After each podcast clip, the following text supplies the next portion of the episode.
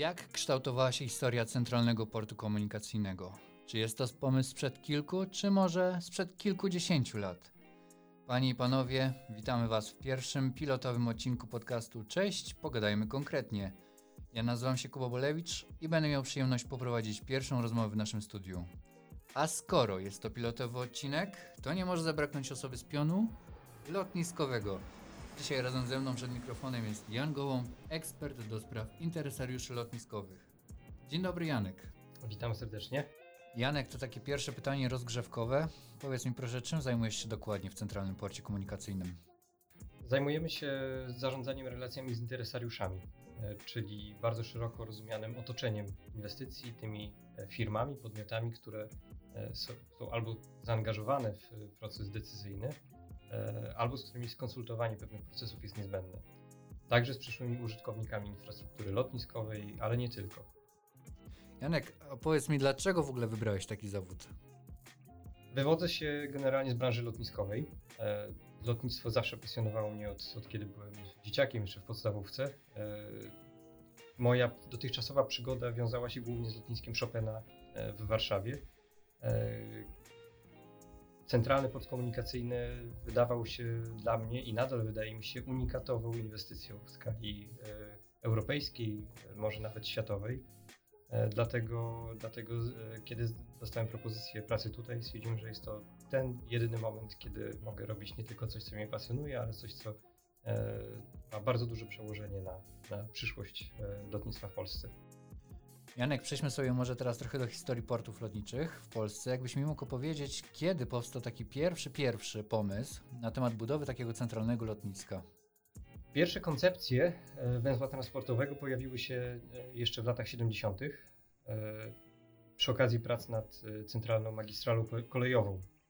Wówczas zidentyfikowano możliwe, optymalne miejsca pod budowę nowego węzła transportowego w Polsce w Nizinie Mazowieckiej.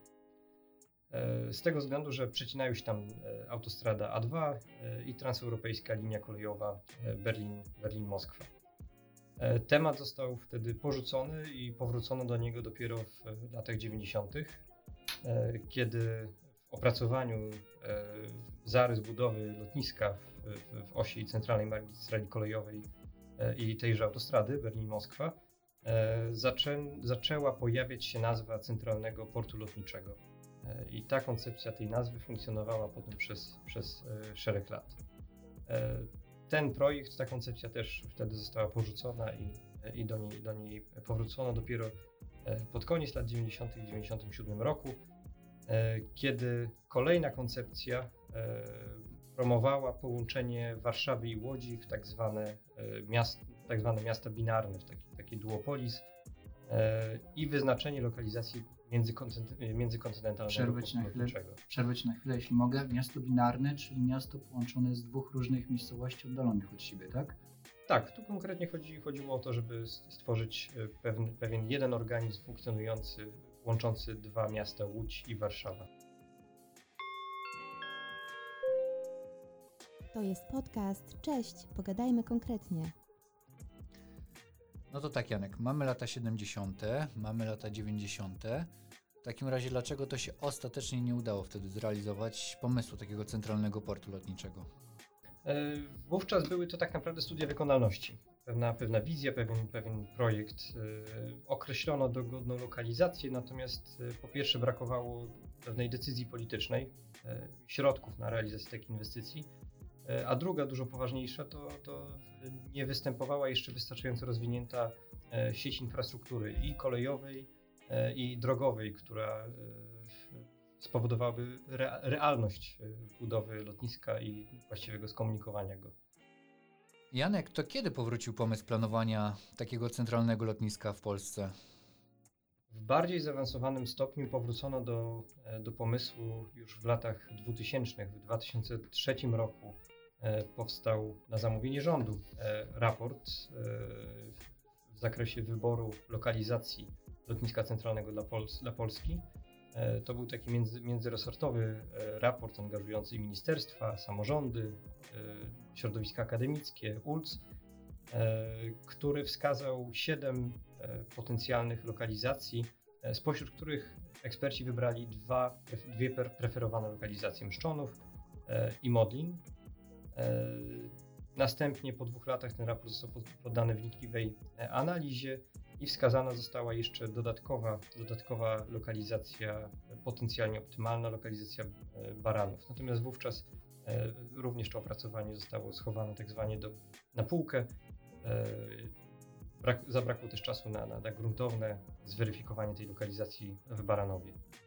Okay, Janek, czyli w tym 2003 roku mieliśmy już więcej konkretów, e, ale powiedz mi w takim razie, co znowu stanęło na przeszkodzie, że to lotnisko nie powstało? Również wtedy, wtedy mówiliśmy, mowa była o bardziej studium wykonalności e, i określeniu potencjalnej e, lokalizacji. E, były, było to pewnego rodzaju pogłębienie dotychczasowych analiz, natomiast w dalszym ciągu, w dalszym ciągu nie, była to, nie była to decyzja, nie, była, nie była to, znaczy nie, nie, było, nie, nie było odpowiedniej woli politycznej i decyzji o tym, aby rozpocząć inwestycje. Pamiętajmy też, że wówczas infrastruktura w dalszym ciągu nie była tak rozbudowana, jak, mamy to, jak ma to miejsce obecnie. Nie było autostrady A2, y, żeby nie wspomnieć, czy, czy, czy tras ekspresowych, które obecnie mamy w okolicach Warszawy. Mówimy sobie, Janek, cały czas tutaj o centralnym lotnisku. Czy w tym samym pomyśle w tych minionych latach mówiło się również o inwestycjach kolejowych w tym samym aspekcie? E, nie, wówczas te koncepcje mówiły o centralnym porcie lotniczym, czyli mówiliśmy tak naprawdę, mowa była tak naprawdę głównie o lotnisku i o e, jego centralnej lokalizacji jako alternatywie dla e, lotniska Chopina w Warszawie. Dopiero w 2017 roku pomysł powrócił, ale wtedy w zupełnie zmienionej formule, E, gdy po raz pierwszy mówiono o centralnym porcie komunikacyjnym jako węźle transportowym, który integruje sieć kolejową z e, lotniskiem. Okej, okay, Janek, w takim razie, które lokalizacje były brane pod uwagę? Mówimy sobie tutaj o Mszczonowie, mówimy sobie o Modlinie. A czy one pod względem budowy centralnego portu były w ogóle logiczne? Ze względu na y, zmianę podejścia, zmianę, zmianę założeń i podejście do takiej integracyjnej roli węzła, e, jakim, jakim miałby być centralny port komunikacyjny. E, w tej nowej analizie przeprowadzono e, weryfikację wszystkich lokalizacji, które dotychczas były rozpatrywane. Tak, aby, aby nie po, z, z, perspektywy tych nowych aspektów, czy nowe, nowego spojrzenia, przeanalizować bardzo gruntownie dotychczas, dotychczas wypracowane materiały. Ostatecznie przejrzenie tych, tych dotychczasowych e, opracowań, materiałów e, doprowadziło do konkluzji, że e, Baranów wydaje się optymalną lokalizacją. W drugiej kolejności wskazano Grujec, a także Grodzisk Mazowiecki. Lokalizacja w Baranowie ma zasadniczą przewagę ze względu na teren płaski, teren dosyć luźno zamieszkany, a także ze względu na, na kwestie gruntów, których pozyskanie jest łatwiejsze obarczony mniejszym kosztem e, oraz ze względu na, na rzadką zabudowę mniejszy obszar ograniczonego użytkowania, czy bardziej liczbę mieszkańców, którzy weszliby e, w strefę ograniczonego, obszaru ograniczonego użytkowania. To jest podcast. Cześć, pogadajmy konkretnie. Janek, tak teraz się zastanawiam, dlaczego powrócono do koncepcji CPK teraz? Czym obecna sytuacja różni się od tego, e, co było wcześniej? Zasadniczo y, jesteśmy na zupełnie innym etapie rozwojowym. Y, 2012 rok przyniósł kolosalne zmiany, kolosalny zryw inwestycyjny. Być może, być może, tak podejrzewam, że wielu z nas pamięta te, te w ekspresowym tempie tworzone inwestycje, czy przeprowadzane inwestycje przed e, UEFA Euro 2012. E, jednym, jedną z, z takich wymiernych efektów euro było to, że, że powstało wiele autostrad, wiele odcinków dróg szybkiego ruchu, ale także e, modernizacja sieci kolejowych. I to spowodowało, że ta wizja centralnego portu komunikacyjnego, czy nawet lotniska centralnego dobrze skomunikowanego, stała się, stała się realna. To spowodowało, że w tym momencie możliwe było zrealizowanie tej koncepcji, możliwe było rozpoczęcie tego, tego projektu. Czy obecnie tak jak myślimy o centralnym porcie komunikacyjnym, czy to planowanie portu, o którym myślimy, opiera się również na tych materiałach, które były kiedyś wykorzystywane, w tych materiałach historycznych? Czy to nie ma zupełnie żadnego powiązania? Znaczy, oczywiście eksperci wykorzystują te wszystkie opracowania, które, które były poczynione do chwili obecnej, e, opierając się na analizach przeprowadzonych, e, wykorzystując dane, które zostały zebrane. E, natomiast należy, należy pamiętać o tym, że tamte analizy zatrzymały się na pewnym etapie, e, nie doprowadziły do, do e, już tej, tej fazy dalszej, czyli planistycznej, co powoduje, że oczywiście eksperci wykorzystują analizy i opracowania, które były wypracowane do tej, do tej pory, tak aby skorzystać z tego, co zostało zrealizowane wcześniej. Tak, tak, mhm. dokładnie, żeby, żeby nie, zaprze, nie, nie zaprzepaścić tej spuścizny, która została już wypracowana, e, żeby wykorzystać analizy, które zostały zrobione, lokalizacje, które były wskazane. Natomiast wykorzystanie e, tych materiałów jest w ograniczonym stopniu możliwe do, do zrealizowania. Janek, to w takim razie powiedz mi, które pomysły z dawnych lat są spójne względem tego, co się dzieje teraz, a które na przykład w ogóle nie mają już racji bytu?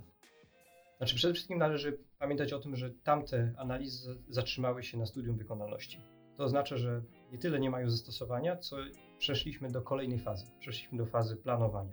E, a tak daleko poprzednie analizy nigdy nie, nie doszły, nie zaszły. To oznacza, że bazujemy na, na pewnych opracowaniach, na wskazanych lokalizacjach, natomiast jest, jesteśmy już zdecydowanie krok, krok dalej.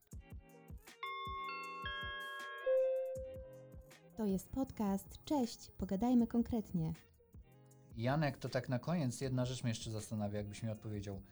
Skoro mamy tak dużą liczbę portów regionalnych w Polsce, mamy spadek ruchu lotniczego, między innymi przez właśnie COVID-19, to czy lotnisko Chopina nie jest wystarczające? Czy budowanie centralnego portu komunikacyjnego jest w ogóle potrzebne? Myślę, że należałoby zacząć od tego, że e, sama koncepcja i centralnego portu lotniczego, i potem centralnego portu komunikacyjnego wywodzi się z e, wizji ograniczonej przepustowości lotniska Chopina w Warszawie, które w tej chwili pełni rolę głównego centralnego lotniska dla Polski.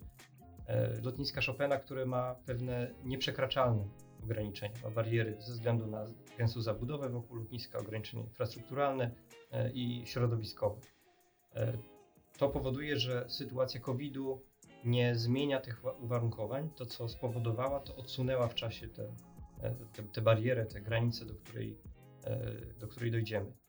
E, więc to, co COVID spowodował, nie przekreślając istoty czy sensowności tego, tego, tych założeń tego projektu, dał trochę więcej czasu na to, aby przemyśleć, w jaki sposób powinniśmy dostosować się do, nowych, do, nowej, do nowej sytuacji jakkolwiek trudno mówić tu o pozytywnych aspektach COVID-u, e, ale sam fakt, że jesteśmy w fazie planistycznej, e, umożliwia nam dostosowanie naszego podejścia do zmieniających się uwarunkowań rynkowych. Wiemy, że COVID w drastyczny sposób zmienił podejście i do przemieszczania się, i do kwestii e, sanitarnych, do kwestii zdrowotnych. Spodziewamy się, że odciśnie piętno na, czy, czy, czy zmieni podejście do samego procesu obsługi pasażerów, obsługi e, samolotów.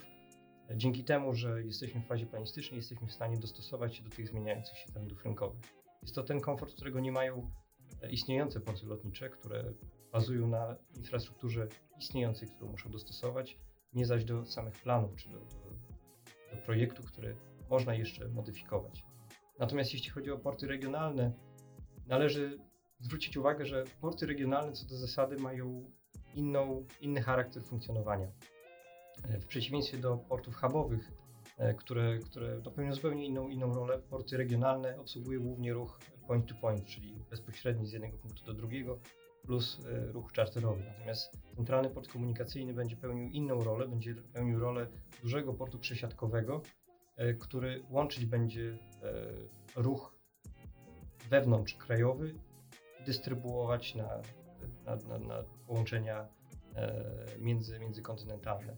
Druga funkcja to bardzo ważna funkcja cargo, e, która, e, która również dzięki lokalizacji, dzięki braku ograniczeń infrastrukturalnych i środowiskowych umożliwi rozwinięcie tego, tego rynku, który dotychczas w Polsce jest e, no, niewystarczająco rozwinięty, a który może stymulować rozwój gospodarczy. W naszych podcastach będziemy sobie jeszcze dużo mówili na temat ruchu cargo, ruchu lotniczego, o tym jak się zmienia przepustowość lotniska Chopina, o tym jak powstaje centralny port komunikacyjny.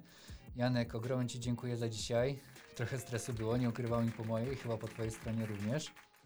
Co możemy Wam powiedzieć na temat e, naszego podcastu? Będziemy co tydzień starali się wrzucać e, podcasty dotyczące tego, jak funkcjonuje centralny port komunikacyjny. Szukajcie nas na listach SoundCloudowych, Spotify'owych, iTunesowych. Będziemy również na YouTubie publikować nasze podcasty. A dzisiaj, Janek, ogromnie Ci dziękuję, że byłeś moim gościem. Dziękuję również. A Wam życzymy dzisiaj wszystkiego dobrego. Pozdrawiam Was serdecznie. To był podcast. Cześć, pogadajmy konkretnie.